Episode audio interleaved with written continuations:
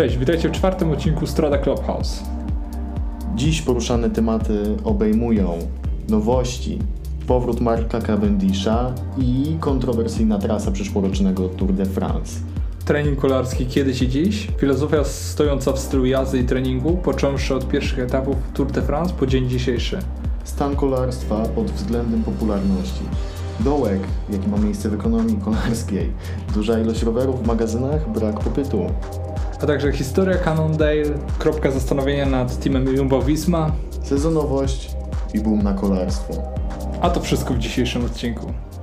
Dobrze, więc wracamy w czwartym odcinku i pierwsze co mi przychodzi do głowy to w tegorocznym Tour de France miała miejsce smutna, e, wzruszająca sytuacja, kiedy to Mark Cavendish, e, który miał zadatki na to, aby pobić Ediego Merckxa w ilości zdobytych wygranych e, w Tour de France, Etapów. Dokładnie. Mógł, mógł go przebić, e, ponieważ w tym momencie miał 34 wygrane. Mhm. Dążył do wygranej po raz 35. Niestety, dosłownie o włos miał tę wygraną, ponieważ pamiętam, że przy finiszu któregoś z etapów e, zwyczajnie przestała działać jego przednia przerzutka lub- lub tylna. No i nie mógł docisnąć do mety e, na odpowiednim biegu. A z kolei przy okazji któregoś z kolejnych etapów miał wypadek, przy którym Tak. złamał obojczyk. A dokładnie był to ósmy etap Tour de France, podczas którego właśnie e, złamał obojczyk. E, A problemem związanym ze złamaniem tego obojczyka była komplikacja, ponieważ e, nieraz już ten obojczyk Mhm. e, i ciągnęło się to za nim e, tyle, że to praktycznie do dzisiaj się regeneruje. Nie mógł też wystąpić na Tour of Britain, a w chwilę wcześniej też ogłosił zakończenie kariery Dokładnie. e, z chęcią pożegnania się i zdobycia jednak tego e, ostatniego etapu. E, wygranie tego etapu i przebicia rekordu Ediego Merckxa. W szczególności, że Mark Cavendish nie miał tylu afer dopingowych, o których się mówiło na przykładzie Merckxa, więc Jednak w jego przypadku bywały afery wiążące się z jego zachowaniem, na przykład na wyścigach na velodromie, gdzie można powiedzieć, będąc naocznym świadkiem, że potrafił wjechać komuś na koło No za tak. sobą i przyblokować możliwość e, wyprzedzenia, czy też jakiejś bezpiecznej jazdy, kontynuowania tej jazdy bezpiecznie. A No. W dodatku, hmm, w dodatku, no zwyczajnie mm, to byłoby to 35. zwycięstwo i to byłaby naprawdę historyczna chwila, która myślę, że popchnęłaby coś do przodu. Nie wiem jeszcze Mhm. co, ale to byłaby taka naprawdę legendarna już e, fajna, okrągła liczba tych wygranych No tak. Tour de France. I nie wiem, czy też wiecie, może wam w skrócie przypomnijmy, dla niewtajemniczonych, Mark Cavendish e, jest to kolarz szosowy, który urodził się na wyspie Man. Jednym z jego mm, początków w kolarstwie było kolarstwo torowe, od tego zaczynał. E, Odnosił bardzo duże sukcesy. Mm, Już jako młody junior, więc e, od początku miał predyspozycję. E, A później z czasem zaczął właśnie startować w e, wyścigach stricte kolarstwa Szosowego. szosowego, etapowych, tak. Tak, i jego specjalizacją są sprinty. No, jego dosłownie nazywają rakietą z wyspy Man. Czy dlatego, że na wyspie Man nie ma ograniczeń prędkości? Chyba tak, e, bo niewiele brakuje. On wyciska na prostej, płaskiej e, prędkości motoroweru, więc Mhm. niedaleko do motocykla już stąd. A, a tu nie ma silnika. No tak. Więc... Choć cholera wie, czy tam nie ma czegoś w korbach. A, no to już nie wiadomo. Nie no, ale na przykładzie akurat e, Cavendisha powiem Ci, że ja jestem trochę jego fanem. Może też dlatego, że ma tak samo na imię jak ja. Mark i Mark. Tak, dokładnie. Eee... No, Zaskoczyło mnie to, że on poszedł tak naprawdę do Astany. Jednak Astana mi się tak źle kojarzyła przez to, jak wrócił do niej e, nasz ulubieniec z Ameryki, e, chcąc e, powrócić do kolar- po przerwie do kolarstwa. E, wiesz o kim mówię? Nie wiem, kto to? Lance Armstrong. On wrócił do. On wrócił do Astany w momencie, kiedy zrobił sobie dwuletnią przerwę. Wydaje mi się, że to był po 2004 roku. Zrobił sobie tą roczną czy dwuletnią przerwę i ogłosił e, po tych czterech wygranych pod rząd, że wraca. No i tam później wystąpił konflikt już w Astanie. Mhm. E, no i z tego powodu też nie wiem, dla mnie się tak Astana źle kojarzy. Em, ja pamiętam czasy właśnie bardziej, gdzie, gdzie jeździł w e, Quickstepie. Mm, Zresztą e, był jednym z ważniejszych kolarzy i zawodników w Quickstepie, nie? Tak, no to już była taka maszyna do wygrywania tych etapów bardziej płaskich e, pod sprinterów. No i też w sumie wygranych klasyków. No i ta rywalizacja tak naprawdę z Tomem Bonenem, nie? Cały czas z kolegą z zespołu, którym no, Też był który też był w Quickstepie, tak? i też miał takie zadatki sprinterskie bardziej Mhm. niż wspinaczkowe. Dokładnie. Tak.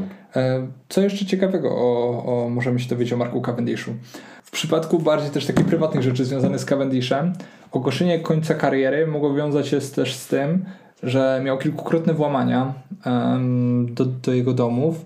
E, w momencie, kiedy była jego rodzina w domu, gdzie on powtarzał przy chęci zakończenia kariery, że e, rodzina jest dla niego najważniejsza i tak jakby to jest też powód, dlaczego kończy karierę. Więc wydaje mi się, że to, te, te sytuacje z tymi włamaniami i, i, i, i, i, tym, co się działo ostatnio w jego życiu prywatnym, też po części na niego wpłynęło, tak? No ale też no, nie ukrywajmy, że wiek, bo jednak e, kiedyś 38-latek to jeszcze nie byłby powiedzmy stary, stary zawodnik, nie? A w dzisiejszych czasach, gdzie mamy 25-letniego Pogaczara e, czy Jonasa Winigo, którzy, którzy są oboje młodzi, to jednak em, to jednak sytuacja wygląda trochę zupełnie trochę i zupełnie inaczej. Tak widać w ogóle, że ci zawodnicy są coraz młodsi. Kiedyś mm, bycie zawodowcem oznaczało, ozna, mówiło się, że ktoś ma 23 lata i, Tak. i jest taki młody, młodym zawodnikiem. Teraz 19-latkowie mogą już wylądować w proturze. Na przykładzie nawet naszych polskich ym, kolarzy, gdzie wiesz, czytałem w książkach, że oni w wieku 25 czy tam 24 lat to dopiero zaczynali pracować na swoją markę, nie? Mhm. A dzisiaj, no, będąc chyba juniorem, to już musisz zacząć się starać na tyle, żeby jak już dostaniesz się do jakiegoś developmentowego teamu, em, no to już musisz się na tyle starać, żeby się rozwinąć, tak? Em, no ale wracając do, te, jakby do tego, że Mark Cavendish właśnie przed em, to było bodajże Tour de France albo Giro d'Italia, ale bardziej wydaje mi się, że na etap, w etap, czas Tour de France postanowił, że kończy karierę, ogłosił to. Informacja mnie właśnie dobiła, bo powiem Ci, że z obecnych kolarzy e, nie ukrywam, że go bardzo lubię i, i zaskoczyła mnie ta informacja, a tu jednak po wyleczeniu się i e, po regeneracji i po rozważeniu tego wszystkiego zdecydował się powrócić. Ta, inform ta informacja była naprawdę zaskakująca, bo to pokazuje, że ważne jest dla niego, żeby pobić swój rekord, nie odpuszcza. Chce się jednak zapisać na łamach historii, ale mm, też chce osiągnąć swój cel.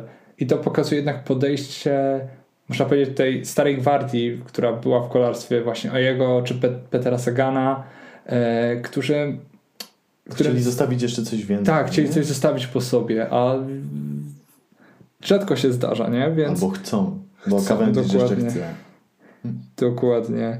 Em, no fajne jest to jednak tego optymistyczne podejście, no, że niby, niby wiesz, niby mówi, że, że kończy, kończy, a tutaj jednak e, chce coś zrobić, nie? Tak, sprawy trzeba dopiąć. No a co najciekawsze, e, Astana postarała się, żeby miał dobrego pomocnika. E, I kto go będzie rozprowadzał? Mike, Michael Morkow. Nie wiem, czy go kojarzysz. Kto to? Michael Morkow e, jest w tym samym wieku akurat co Mark Cavendish, czyli ma 38 lat. Od 2018 roku jeździł w teamie Sudalu Quickstep. Jeździli razem z, właśnie z Markiem Cavendishem. Em, A on w tym sezonie dogadał się właśnie z Astaną jest utalentowanym rozprowadzającym. Mm, Jest też bardzo dobrym kolarzem torowym. Też się wywodzi jak Mark Cavendish z kolarstwa torowego. Co ciekawe, Michael Morkow i Mark Cavendish sięgali razem po sukcesy e, w wielkich turach. Było to w roku 2021 i 2022. A także w 2021 dzięki pomocy właśnie Michaela Morkowa e, Mark Cavendish wygrał aż cztery etapy, więc wydaje mi się, że dobra decyzja ze strony Astan, Astany, czyli sprowadzenie osoby, którą Mark zna, a do tego jest w stanie zapewnić im e, bycie trochę wyżej w, w klasyfikacji, nie? Bo jednak tą Astanę nadal tak trochę niektórzy traktują z boku, nie? Tak, ona już wyszła z takiego głównego biegu, teraz To już nie, faworyci. tak, to już nie jest tak kiedy- kiedyś tym, gdzie, gdzie byli tylko sami kolarze z, z jednego kraju, e, często ro, rosyjskojęzyczni. Mm, to jednak się zmieniło, jednak to już nie jest stricte ka, typowo kazachski team, więc, więc fajna sprawa. Em, no i tak naprawdę, jeśli chodzi o Marka Cavendisha, w przyszłym roku chcę wygrać e, nie tylko nie tylko chcę na Tour de France e, wywalczyć kolejne zwycięstwa, ale także na innych e, wyścigach World Tourowych, więc to jest bardzo dobra decyzja z jego strony. I szczerze mu kibicuję, bo i mam nadzieję, choć raczej do tego nie dojdzie, że zobaczyłbym go ostatni raz na Tour de Pologne, bo pamiętam czasy, gdy właśnie startował w Tour de Pologne, też zresztą dobrze się nieraz wypowiadał o, o naszych polskich kolarzach. Fajnie by go było ostatni raz zobaczyć w Polsce, chociaż raczej tak się nie stanie, choć różnie bywa, nie? Zobaczymy, może przyjedzie do Krakowa kiedyś. Dokładnie. E, co? Z nowości. Mm, 25 października ogłoszona była, została ogłoszona trasa 111, 111 edycji Tour de France i może nie tyle zatrzęsła światem, co wprowadzono kilka nowości i, i są osoby, które ortodoksyjnie podchodzą do, do tych kwestii i uważają, że Tour de France powinno dziać się we Francji tylko i wyłącznie.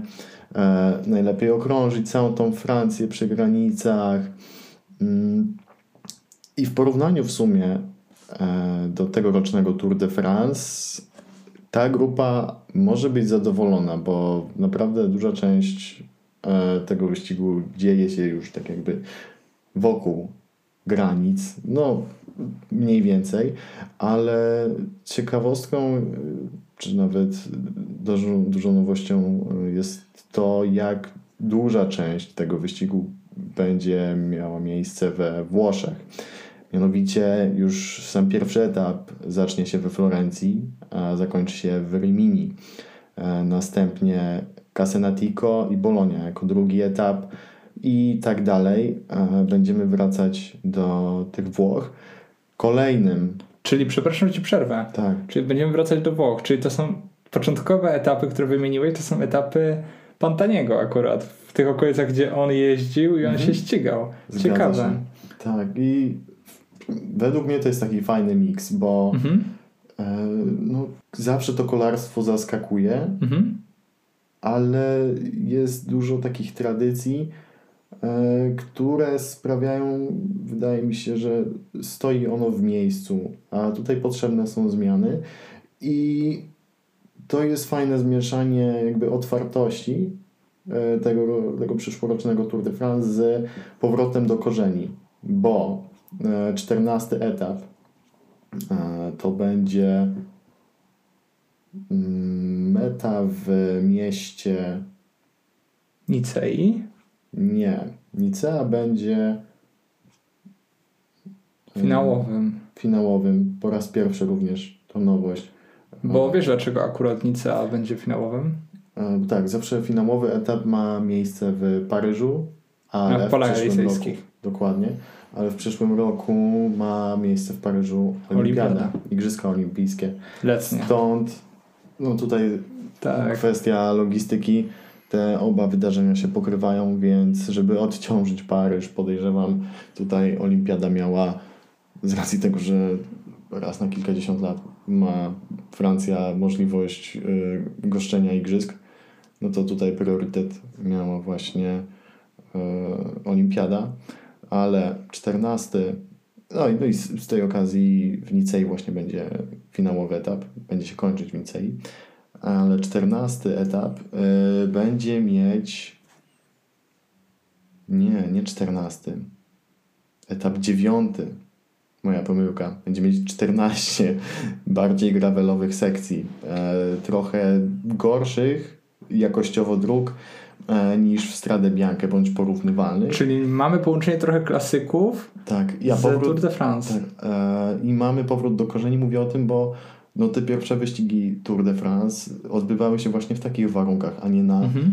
asfalcie lepszym czy gorszym. To No, ten- przydałby im się tylko jeszcze brak wsparcia technicznego, wtedy to by było klasyczny powrót do wszystkiego, ale chyba nikt by się na to nie zgodził. Tak, jeszcze naprawienie ram pękniętych karbonowych e, po drodze i bieganie do miasta e, z tą ramą na plecach.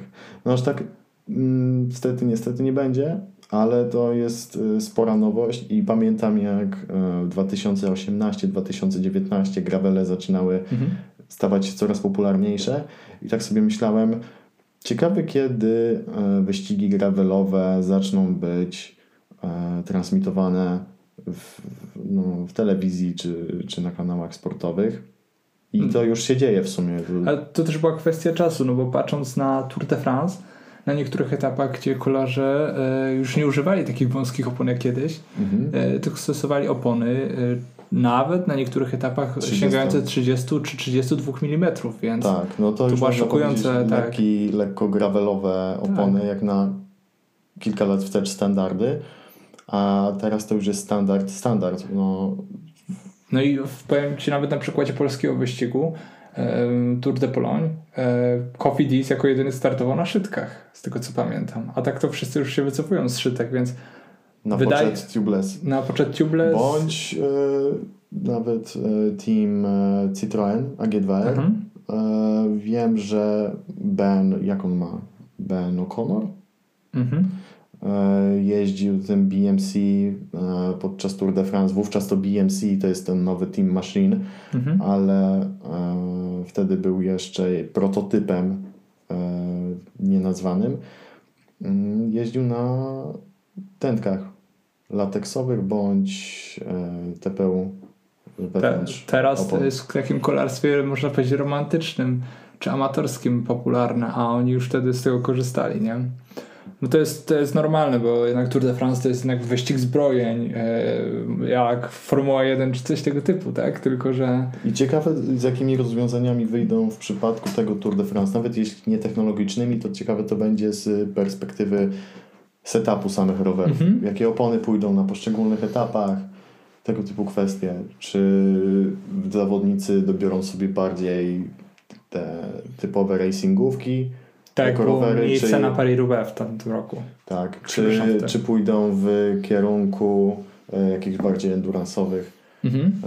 e, ram. Chociaż no podejrzewam, że oni jednak są przyzwyczajeni do tej agresywnej pozycji Tak. znacznie bardziej, więc może pójdą w te racingówki. No zobaczymy. To są jakieś małe niuanse. Mhm. Ale fajnie, że to jednak e, przeskakują bardziej do tematów e, gravelowych, które no jednak zaczynają być modne, tak? Fajnie, że spinają to łącząc e, z typowym kolarstwem szosowym, Tak. no bo to też wpływa na to, nie? Nie tylko mm, od nas, można powiedzieć, trochę purystów też takich trochę kolarstwa zaczęło się to, że e, Tylko, że też purysta, spójrzmy na purystę kolarstwa teraz. Może to być ktoś, kto nie lubi y, mm, hamulcy tarczowych, ale spójrzmy też na purystę sprzed 15 lat, który nie wiem, jest przeciwny powiedzmy jakiemuś nowemu kształtu kierownicy mhm. albo no który miał w ogóle tak jakby, jak zobacz, patrząc nawet na CD Rover teraz, a t- wtedy, to wiesz, to inaczej odbierał to, nie? Dla niego pewnie w większości jest tak, że dalej by może być na przykład przeciwko Gravelo, nie? Albo na przykład mieć inne zdanie na ten temat, więc tak, ale tak naprawdę no to jest ten rozwój w kolarstwie, którego no, nie zatrzymamy. Nie zatrzymaliśmy tak jakby tarcz, które dobre. były dobre, mhm. e, no więc tak jakby fajnie, że wchodzą te gravele, tak? Zresztą dobre, niedobre to ma miejsce cały czas. I co kilka lat, powiedzmy, zmienia się definicja purysty. Mhm. No, oczywiście spotkamy wciąż ludzi, którzy uważają, że prawdziwą szosą będzie szosa na szczękach, na, szczękach, Bez... na stalowej ramie. I... Na linkowych przerzutkach. Tak. I jeszcze najlepiej z przerzutkami na dolnej rurze. E, później mamy tu purystę, który uważa, że tarczowe e, hamulce są tylko do, do MTB, ewentualnie do Gravela i tyle, a opony 23 mm szerokości są szybsze niż 28. E, no i za chwilę pewnie my będziemy takimi purystami, którzy mówią max 30, tylko, tylko tubeless, a jakieś rozwiązania nowe się pojawią. I, I to tak będzie szło. I później znowu będzie kolejna generacja kolarzy, którzy zastosują jeszcze te nowsze rozwiązania i oni będą purystami. No i to tak będzie szło. Więc te zmiany są według mnie no, muszą być, tak, żeby kolarstwo się być. rozwijało, a po drugie, no, Tour de France to jest jednak też... jeden z wielu wyścigów, gdzie transmisja i tak jakby cała tego Otoczka. koszta tak od oczka muszą się jednak sprzedać, nie? A co, co jeśli będzie mieć cały czas taki monotonny wyścig, a jednak gravelowy, który no, przyciągnie dużo ludzi pewnie do etapów, tak? No. Bo jednak zawsze o to chodzi w, w wyścigach, nie? Tak. E, poza tym no, mieliśmy pierwsze mistrzostwa gravelowe w tym roku, mhm. transmitowane. Zresztą e, Kasia Niewiadoma, Chociaż... jeśli chodzi o nasze o e, kolarstwo, kobiece kolarstwo, zdobyła mistrzostwo świata. Tak. W kolarstwie gravelowym, więc super. Tak, choć opinie były takie, że dość nieudolnie wychodziło realizowanie całej tej transmisji. Mhm. E, był tam brak komunikacji między motocyklistami, kamerzystami i podobno było to jakieś nieudolne. Taka jest obiegowa opinia. Ja sam przyznaję się, nie oglądałem tych e, mistrzostw, a jednak może coś w tym jest. Może, może coś w tym jest, e, że ta transmisja no ale to był też pierwszy raz. Tak, to prawda. Więc... Powiedz mi jeszcze, czy coś jeszcze ciekawego nas zaskoczy na Tour de France, jeśli chodzi o tegoroczną edycję, bo wspominałeś o... Przyszłoroczną? Przepraszam, przyszłoroczną. E, bo wspominałeś o e, mecie w Nicei, e, wspominałeś o początku e, na terenie Włoch, e, Zresztą jak co roku Tour de France rozpoczyna się e, za granicami Francji. Tak, to już 26 raz, kiedy Tour de France zacznie się za granicami Francji. Mhm. To co jeszcze nas, czym tak naprawdę nas, nas jeszcze zaskoczą? Mm, dosyć szybko pojawią się górskie etapy. I tutaj już czwartego dnia e, tak naprawdę peleton wjedzie w Alpy i tak naprawdę jeszcze nigdy tak wcześnie oni nie pojawiali się w górskim e, etapie. No, na samym starcie e, będzie już 40 km łagodnej wspinaczki z nizin, później oni będą przez 40 km wspinać się na 2000 metrów przewyższenia, a potem e, poprawka e, i Col du Galibier, e, czyli 23-kilometrowy podjazd, 5,1% średniego nachylenia. A sama meta na szczycie po 19-kilometrowym zjeździe. Mm, więc to jest taka nowość. Ten wczesny wjazd w Alpy no zresztą to ma związek z tym, że oni będą krążyć wokół tych Włoch tak naprawdę co jakiś czas mhm. i do nich wracać, więc e, z tego to wynika. I to też jest ciekawe. Dobrze, no to cieszymy się. Taka jest e, decyzja Rady Najwyższej Strada Clubhouse odnośnie przyszłorocznego Tour de France. Sezon umownie się kończy. Ja jeżdżę i mam zamiar wciąż jeździć. Ale mówimy o sezonie wyścigów, nie? Mówię o sezonie takim ogólnie potocznie kolarskim. Ten wyścigowy też się mhm. skończył. E, nie no. On się. Pogoda nam dopisuje. Na razie jeszcze. dopisuje, ale już pojawiły się ostatnio e, weekendem ustawki kończące sezon i tak dalej. Mm, ja nie przystaję w sumie. I no ale ten wyścigowy faktycznie jest zakończony. Czy na przyszły sezon są jakieś nowości?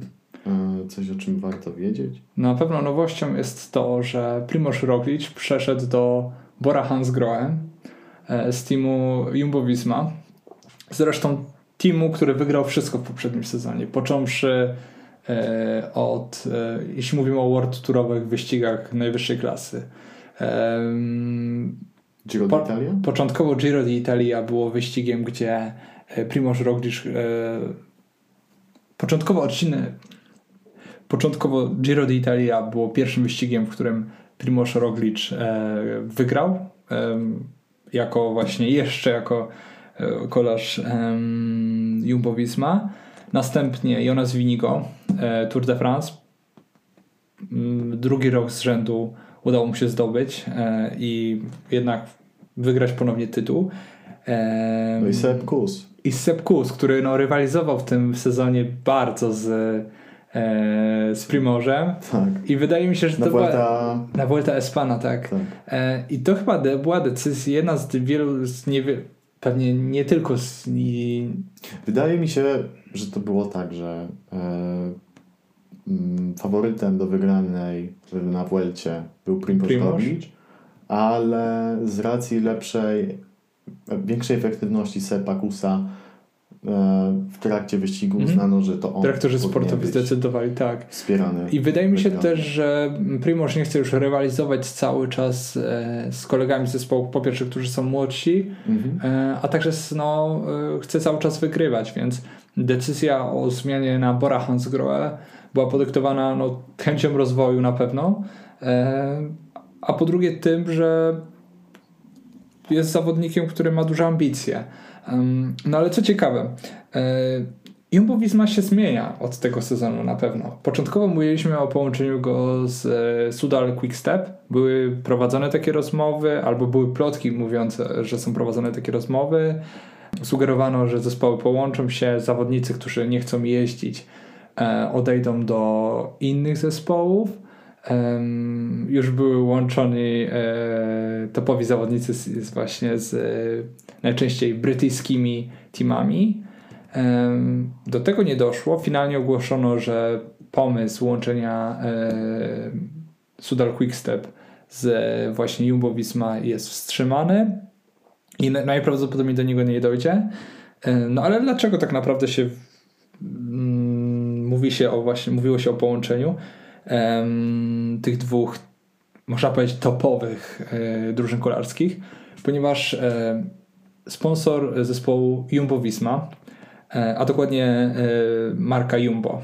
Jest to sieć e, supermarketów, niezbyt popularna w Polsce. Z tego co wiem, nie jest dostępna. Jest bardziej popularna w Holandii, w Szwajcarii, um, czy w krajach dawnego Beneluxu. I co? I tak naprawdę zmiana zarządu tej marki zdecydowała o wycofaniu się ze sponsorstwa nie tylko kolarstwa, ale także innych sportów.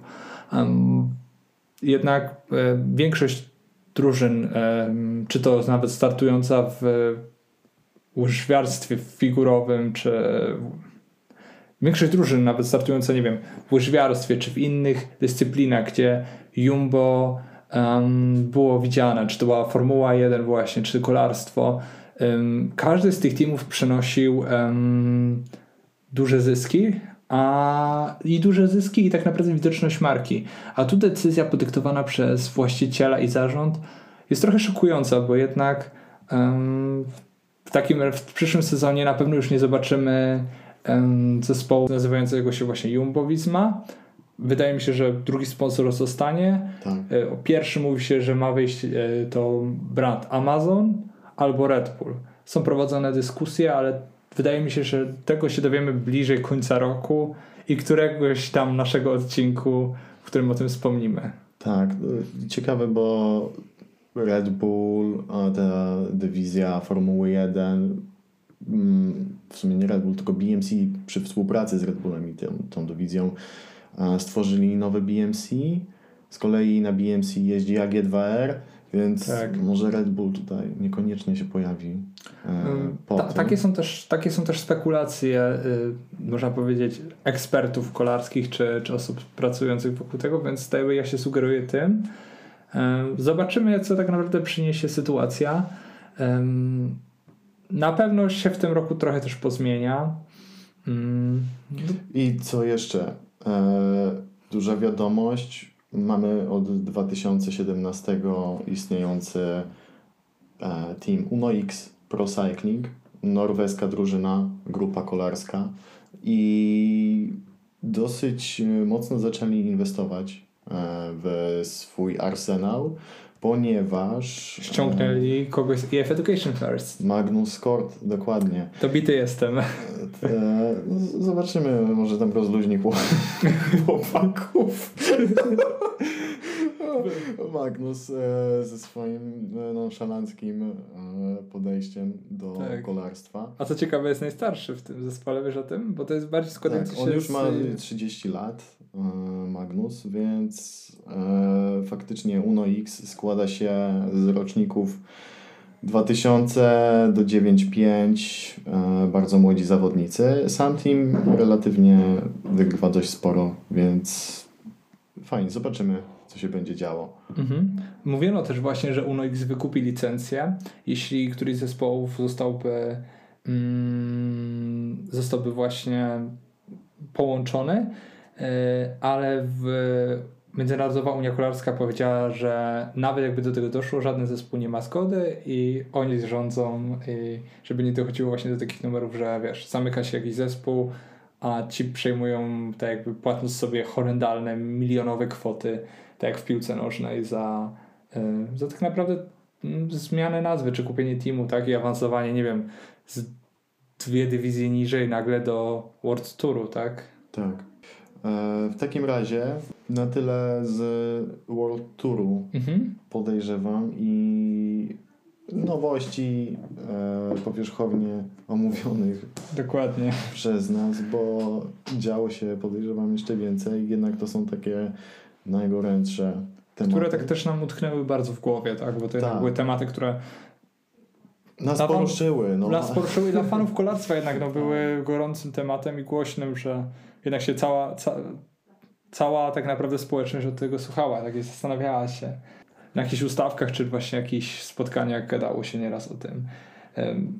Mm, więc o World Tourze porozmawialiśmy i teraz ostatnio zauważyłem coraz więcej newsów odnośnie tego, że kolarstwo jest coraz popularniejsze, kolarstwo szosowe, mhm. gravelowe powiedzmy, Oczywiście też, bo to prężnie rozwijający się, rozwijająca się gałąź tego przemysłu.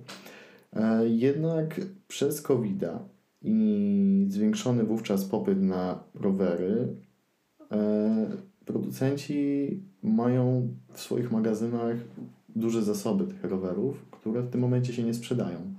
Więc podobno ma dojść do jakiejś totalnej recesji w przemyśle ceny mają spaść w przyszłym roku i wiesz coś więcej na ten temat? Powiem Ci tak, z kwestii osoby, która liznęła trochę tematu, e, ciekawą informacją jest to właśnie, że mm, tak, po pierwsze, e, ceny komponentów e, drugą rzeczą związana jest e, z tym, że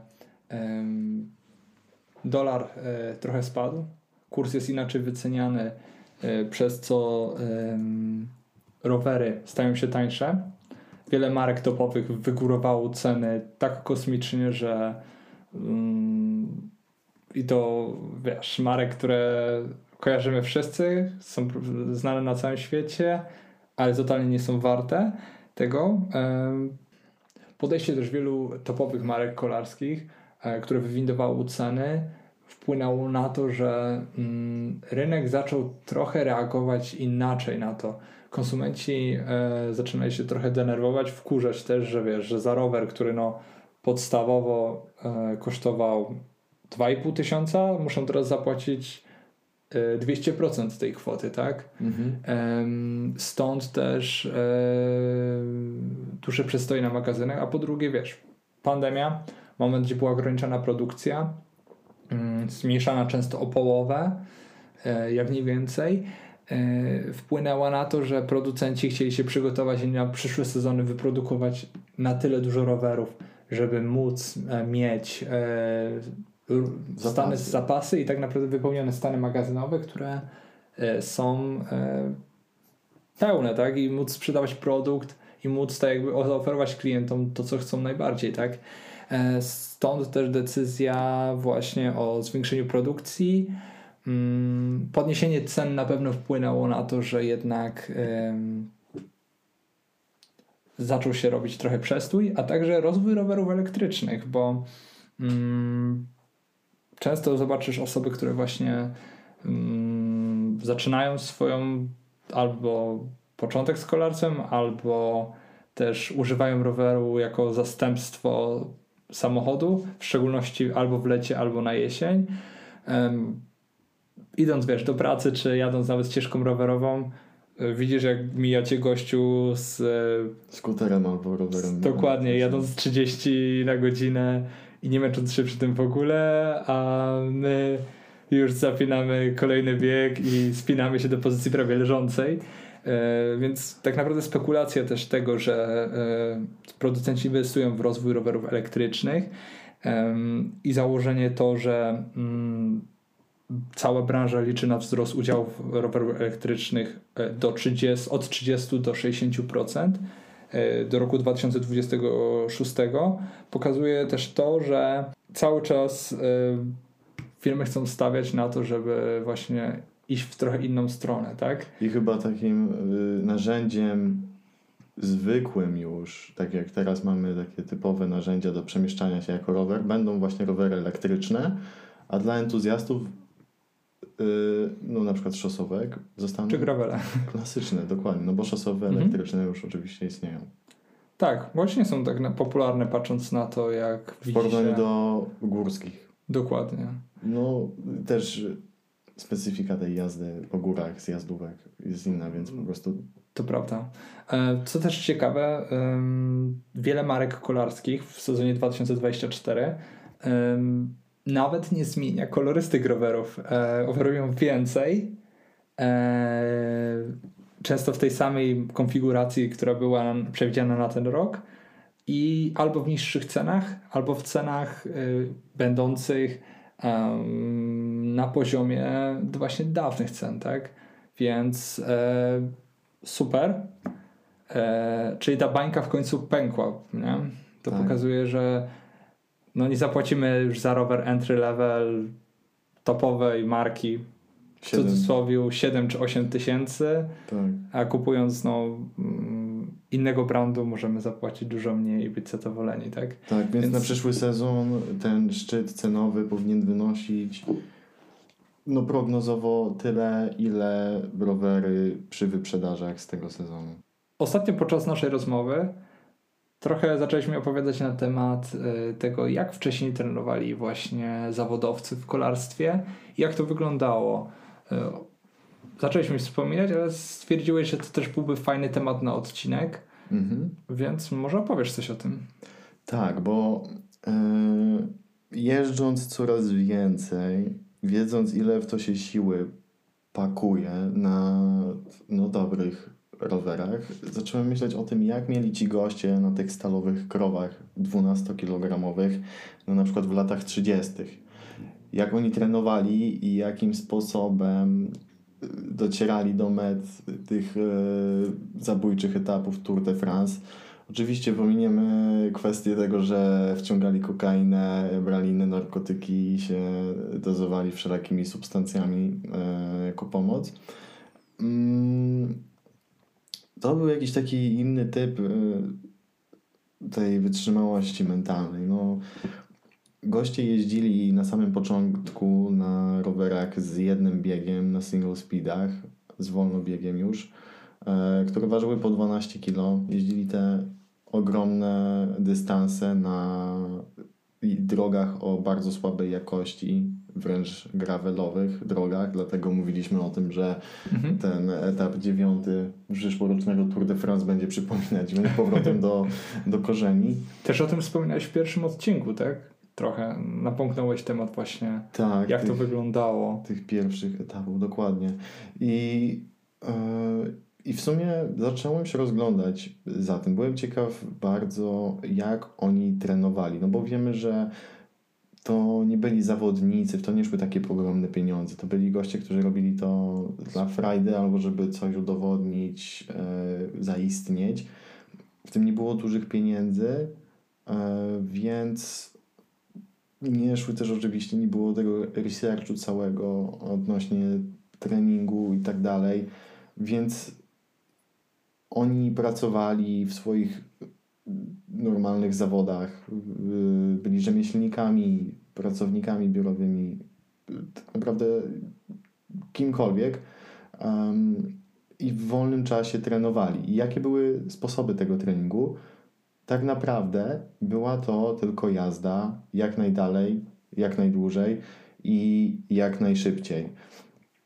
Samych szczegółów jest niewiele, ale mamy na przykład australijskiego yy, zwycięzcę Tour de France Huberta Oppermana, który w swoich yy, wywiadach opowiadał o tym, że na przykład dobrym sposobem yy, treningu jest obieranie jak najczęściej różnorodnych tras, a jeżeli ktoś jeździ często tą samą trasą, to żeby wykonywać tą trasę w różne sposoby na różnych odcinkach tej trasy różne prędkości, wciąż jednak, żeby dochodzić do tej odcinki o, dla organizmu. Dziś nazywamy to FTP czy progiem tlenowym, tak? tak, to była taka już namiastka. On wspominał nawet, e, że warto na przykład kilka kilometrów przejechać sprintem, kolejne kilometry jakimś wolniejszym tempem i znów sprint, więc tu mamy już e, hity, tak naprawdę interwały no high intensity interval training, czy, czy coś takiego. E, drugą kwestią było to, że same rowery w ogóle były bardzo drogie. To powiedzmy, że w, latach 30. E, rowery kosztowały 10 funtów e, lub niewiele więcej. No i to jest około 1000 dolarów w dzisiejszych pieniądzach a jeszcze warto napomnieć, że średnia wynagrodzenia tygodniowego wynosiła 4 funty, więc no to były ogromne pieniądze yy, tak naprawdę za te rowery i za możliwość w ogóle wykonywania kolarstwa, więc sam fakt, że ktoś posiadał rower i na nim trenował, bardzo dużo już mówi o tej osobie. To jest yy, no już ktoś mając taki rower, wiadomo, że byłby takim specjalistą i ma ten rower, ma kontakty, może, może kupić taki rower i, i, i sobie na nim jeździć. Ale już e, pod koniec lat 30., wchodząc w lata 40., e, było dużo tych rowerów dostępnych na rynków używanych i to przyniosło kolejną taką. Rozwój, tak? Tak, rozwój, bo ci ludzie y, mhm. przyszli kolarze... Zaczynają być bardziej dostępne. Tak, mogli kupić te używane rowery i tak się to wszystko e, zaczęło napędzać. Jeśli chodzi o odżywianie, to paradoksalnie tutaj niewiele się zmieniło. E, ten Operman, o którym wcześniej wspominałem, polecał zawsze mieć z, z, na, na jeździe orzechy, rodzynki, jakiekolwiek owoce, jedzenie. I no oczywiście od tego nie odeszliśmy do tej pory. W latach 40. pojawiło się już bardziej wyspecjalizowane e, pojawiły się już bardziej wyspecjalizowane sposoby do treningu, ponieważ zaczęto mierzyć tętno zawodnikom. No i na podstawie tego tętna y, połączono kropki. Uznano, że ci, jeżeli serce ci bije mega mocno podczas wysokiego wysiłku, no to chcesz, żeby ono efektywniej biło, mhm. y, mniej się męczyło podczas tego wysiłku i zaczęto różnych prób w celu optymalizacji tego. Pojawiły się pierwsze ustrukturyzowane plany treningowe. Zamiast zwykłej jazdy zaczęto wdrażać tą filozofię Opermana, gdzie mm, zawodnicy jeździli w ramach treningu po tej samej trasie, ale w różnych wariantach.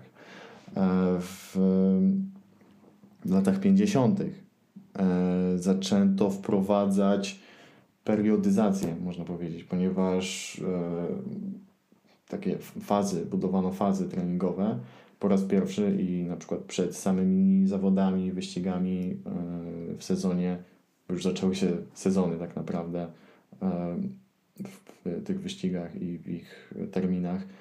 Zaczęto trenować intensywniej, później odpoczywano i pojawiła się już taka naprawdę e, solidna struktura, choć nie solidna w porównaniu do tego, co ma miejsce teraz, gdzie wszystko jest policzone i nawet jeżeli e, kolarz mieszka na trzecim piętrze, a nie ma windy, to, to też musi być uwzględnione w planie treningowym.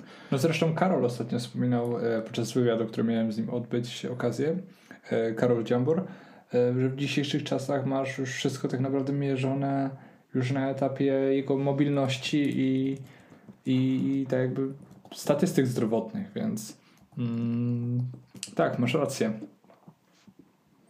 Tak, i kończą się te lata 50., wszystko jest ustrukturyzowane. I tutaj w latach 60. pojawiają się jeszcze większe zaawansowania, jeśli chodzi o trening, bo zaczęto brać pod uwagę próg mleczanowy, e, zaczęto go testować i próbowano zrozumieć e, w kontekście do aerobowych i anaerobowych wysiłków. Anaerobowy jako taki wysiłek krótkotrwały o dużym, dużej intensywności. W latach 60. pojawiły się już oficjalnie treningi interwałowe, e, czyli treningi, gdzie chciano, gdzie kolarze chcieli poprawić swoją wydolność mocy, wydajność mocową i prędkościową stricte na krótszych dystansach. Takie uderzenia e, tego powera. E, w latach 70. tutaj to się pokrywa właśnie z tym, jak to kolarstwo zaczęło być realizatoryzowane, powiedzmy, w ramach sportu i dochodzi do dużej profesjonalizacji e, tego kolarstwa. Już naprawdę te treningi są ustrukturyzowane, kolarstwo ogląda wiele osób, e, jest wielu potencjalnych kolarzy no i idą w to większe pieniądze, więc e, ten research na temat e, ludzkiej anatomii jest lepszy. Pojawiają się pierwsze donosy odnośnie dopingu. E, po raz pierwszy w latach 70. już na dobre weszł, wszedł trening siłowy, stricte mhm. z ciężarami wolnymi mm, na poczet poprawy mobilności, siły i tym podobnych. E, w latach 80. po raz pierwszy pojawia się pojęcie HIT-u, czyli właśnie High Intensity Interval Training. E, to są to plany treningowe, ich fazy, gdzie z każdego treningu zwiększamy intensywność e, tych interwałów, aby zwiększyć aerobowe i anaerobowe możliwości swojego ciała. Mhm. Po raz pierwszy w latach 80. zaczęto liczyć makro, mikro wszystkich posiłków. E, Skupiać się na diecie, tak? Tak, w dietach kolarzy pojawiają się żele energetyczne, e, jakieś fancy, mhm. Stricte sportowe, batony, napoje do regeneracji lata 90. Czy one coś przynoszą więcej oprócz EPO i tak naprawdę ćpania w kolarstwie? te napoje? Nie, lata 90. w kolarstwie. Lata 90., tak.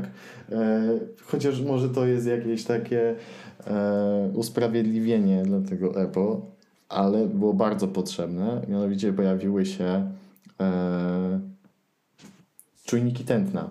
O. E, które często nawet już pod koniec lat 90. wyświetlały informacje na komputerkach takich w porównaniu do dzisiejszych Wahoo i Garminów mm -hmm. i tym podobnych one były słabo rozwinięte, ale już pokazywały informacje na żywo odnośnie e, tętna e, mhm. zawodnika. No i to pozwoliło kolarzom na trenowanie w specyficznych strefach e, tego tętna. E, oczywiście research był jeszcze większy, e, jeśli chodzi o, o to, jak e, substancje odżywcze i inne wszelakie wpływały na tak, wyścigi, tak? dokładnie, regeneracja.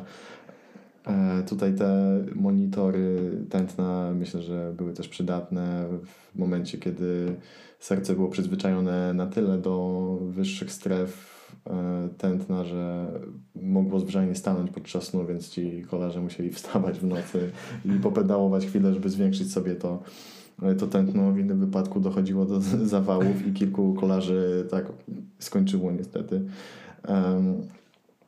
Da bardzo, bardzo y, z, zwiększoną uwagę na e, regenerację po treningu i po tych blokach e, intensywnego, intensywnie wzmożonego, wzmożonego treningu, bo zawsze to było takie alfa podejście, że im więcej, tym więcej i lepiej. Więc... A wcale to nie było mądre, nie? Znaczy nie było e, Jakoś na działało. efektywne. Na pewno jak... było efektywne jeszcze w momencie, kiedy stosowało się jakieś środki dopingowe. A to na pewno. I y, wtedy oczywiście ten organizm jest w stanie więcej tego wysiłku przyjąć na siebie. E, ale tutaj w połączeniu jeszcze z latami 90., gdzie postawiono na regenerację nie tylko w postaci niejeżdżenia E, mniejszej ilości jazdy w, w pewnych blokach treningowych, ale również na masaże, kąpiele w, w lodowatej wodzie, rozciąganie i wszystko takie około sportowe. Mhm. Więc tak to wyglądało e, tak naprawdę w skrócie. Jeśli chodzi o same, sam trening taki w latach 30., 40., te początki, ciężko było właśnie znaleźć informacje na ten temat. Myślałem, że tu będzie baza wiedzy, Naprawdę niewiele o tym jest. I tu chyba, to chyba się wiąże z tym, że po prostu wtedy dosłownie jeżdżono i na tym się tylko skupiano. Jeździć, walczyć ze swoją głową. Harować jak I, I tyle. I to jest, jest coś w tym fajnego. Yy, po prostu sama jazda. Bo po co jest rower? Tak naprawdę. tu się pojawia to pytanie. No tak, wywodziło się jesteś profesjonalistą. Mm, wspominałeś właśnie o rozwoju trochę kolarstwa pod względem bazy motorycznej i siły, ale jedna rzecz akurat wpłynęła bardzo na kolarstwo i też na bezpieczeństwo i wydaje mi się, że też pozwoliła trochę szybciej jechać kolarzom. Była to decyzja Unii Kolarskiej dotycząca właśnie wymaganych e, kasków. Tak naprawdę do, w okresie końca lat 90., gdzie dużo kolarzy zginęło na, na wyścigach e, w jakichś kraksach, często też nie posiadając kasku. Unia zdecydowała się właśnie na ich wprowadzenie i po pierwsze uważam, że to jest jedna z bezpieczniejszych e, i lepszych rzeczy, które, które podjęła jako właśnie mm, organizacja zarządzająca kolarstwem ponieważ po pierwsze, mm, kolarze mogą jechać szybciej, mogą e, też być bezpieczniejsi i przynajmniej myśleć, że wrócą do domu cali, a nie roztrzaskają głowę na wyścigu, tak? Ale w sumie patrząc na te wyścigi, które miały miejsce kiedyś, ci goście wciąż potrafili jechać ponad stówę pantani na no tak. zjeździe tak. bez kasku i czy mieli kask, czy nie, a tak czytałeś w książce Pantaniego, jak mówił, że się dobił, jak zobaczył całą krew swojego kolegi a, na danym etapie Giro? Nie. Właśnie o tym było opisane w książce Marka Cavendisha i, i właśnie wspominał, że to było przerażające dla niego, gdzie odwrócił się i zobaczył całą kołżę krwi. No i to był też moment, kiedy zdecydowali się właśnie na wprowadzenie kasków. Chociaż kaski już miały y, swoje miejsce w latach 30., kiedy na przykład. Ale nie był to obowiązek. Nie był oczywiście, ale już ten wcześniej wspomniany Operman, on często chciał pobić rekordy prędkości, więc e, wtedy to był taki motor pacing, y, czyli ktoś jechał za pojazdem mechanicznym, samochodem czy też motocyklem. Zwykle były to motocykle, bo one potrafiły rozwijać większe prędkości. I w takich przypadkach na tych single speedach czy ostrych kołach szła na, na, naprzód wielka korba 60 parę zębów, e, małe koło z przodu, wielkie z tyłu i niczym rycerz metalowy kask o trzy razy cięższy niż dzisiejsze głowy. Tak naprawdę nie po to nawet, żeby chronić przed e, e, wstrząsem na przykład wynikającym z wypadku, tylko bardziej przed na przykład zadrapaniami, zadrapaniami Mhm. z skóry, z twarzy i tak dalej. No też często ta sytuacja z motocyklem i e, z dużą korbą e, ma miejsce akurat w treningach e, tak naprawdę na e, torach kolarskich, tak? Mhm. Więc to też do dzisiaj ma jakąś swoją e, styczność i, i tak naprawdę dalej, Tak. dalej coś takiego się dzieje. I teraz możliwe w sumie, że same rowery e, elektryczne mogą wypierać e, motocykle. No, na ponieważ ktoś może e, inscenizować jakby warunki prędkości peletonu jadąc za e, rowerem wciąż, a nie motocyklem, który znacznie bardziej rozrzedza to No powietrze. tak. I nie będzie generował przy tym spalin, no, które czasami potrafią być trujące, nie? Tak, dla, tylko, tylko jednak zdecyduje to na, na trochę bardziej bycie friendly, jeśli chodzi o planetę Nawet nie tyle planety, co bardziej właśnie dla kolarza, który jedzie. i ich płuca, nie? Tak, e, dokładnie.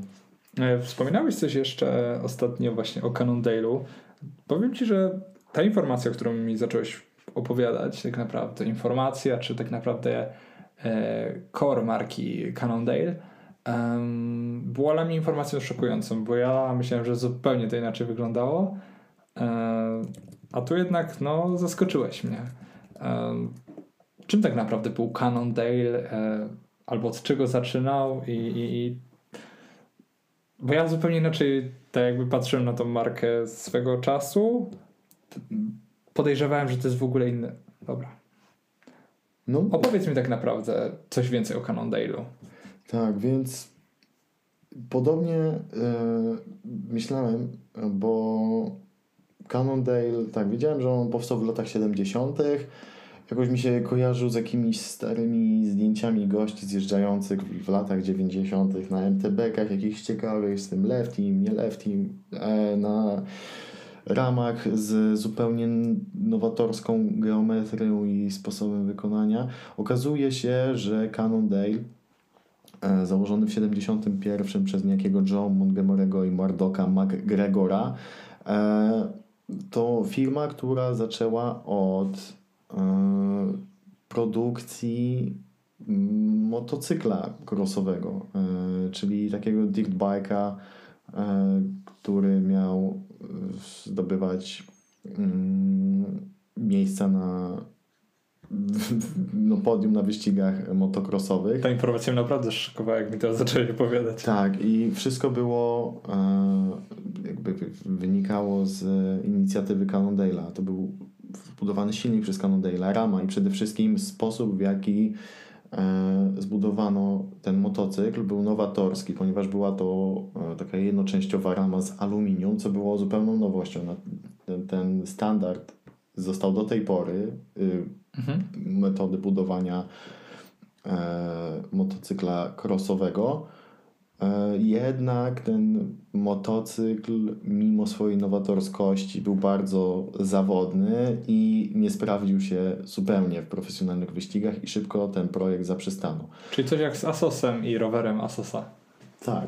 Yy, I tutaj w tym momencie Cannondale mm, skupił się na czymś innym. Sami założyciele byli wizjonerami, nie tyle rowerzystami ani motocyklistami, co po prostu chcieli w czymś zaistnieć. Stąd był ten pomysł Mhm. na trochę ulepszenie formy motocykla crossowego. I sama koncepcja yy, była dobra, bo ten standard został do tej pory budowy, Mhm. jedynie wykonanie nie było już tak dobre. Przenieśli się wręcz więc na rowery i tam chciano zawojować rynek i jak widać mi się udało, bo wprowadzono bardzo wiele rozwiązań, rozwiązań no, innowatorskich. E, Ramy rowerów MTB, które później były kopiowane przez markety i wszystko, co się da. Takie typowe dwie połączone rurki, tylne zawieszenie. E, Każdy kojarzy ten widok. Zaczęto projektować e, w programie CAD Computer Aided Design po raz pierwszy ro, mm, ramy rowerowe i tym samym były to ramy aluminiowe. Cannondale e, nazwał je tą linię podobnie do tego oprogramowania CAD, mianowicie nazwał jej CAD, e, skrót od Cannondale Advanced Aluminium Design. I to sprawiło, że rowery aluminiowe stały się znacznie lżejsze, sztywniejsze i przez to, że były z aluminium, zaczęły być bardziej dostępne i tańsze. Dosłownie Cannondale rozprzestrzenił to kolarstwo szosowe i jeszcze ulepszył tymi rowerami aluminiowymi, które są topowymi aluminiowymi ramami do tej pory tak naprawdę. Mhm. To miało miejsce w latach 90.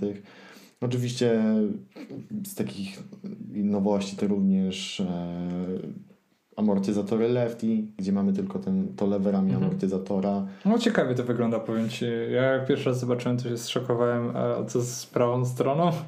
Tak. To dla mnie był taki mindfuck.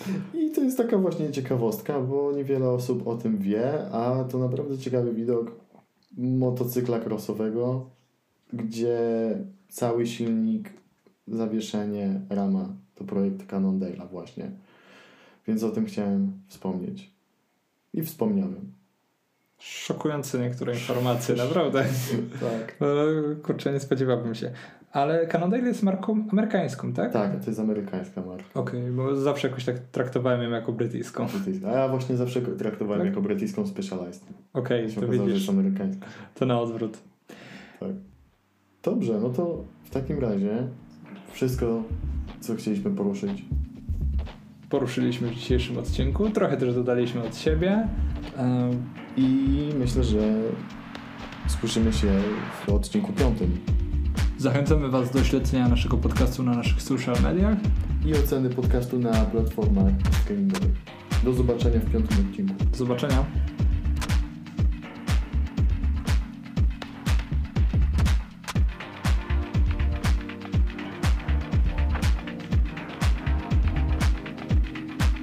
A czym zaskoczymy Was w piątym odcinku? Śledźcie nasz kanał instagramowy i może się dowiecie.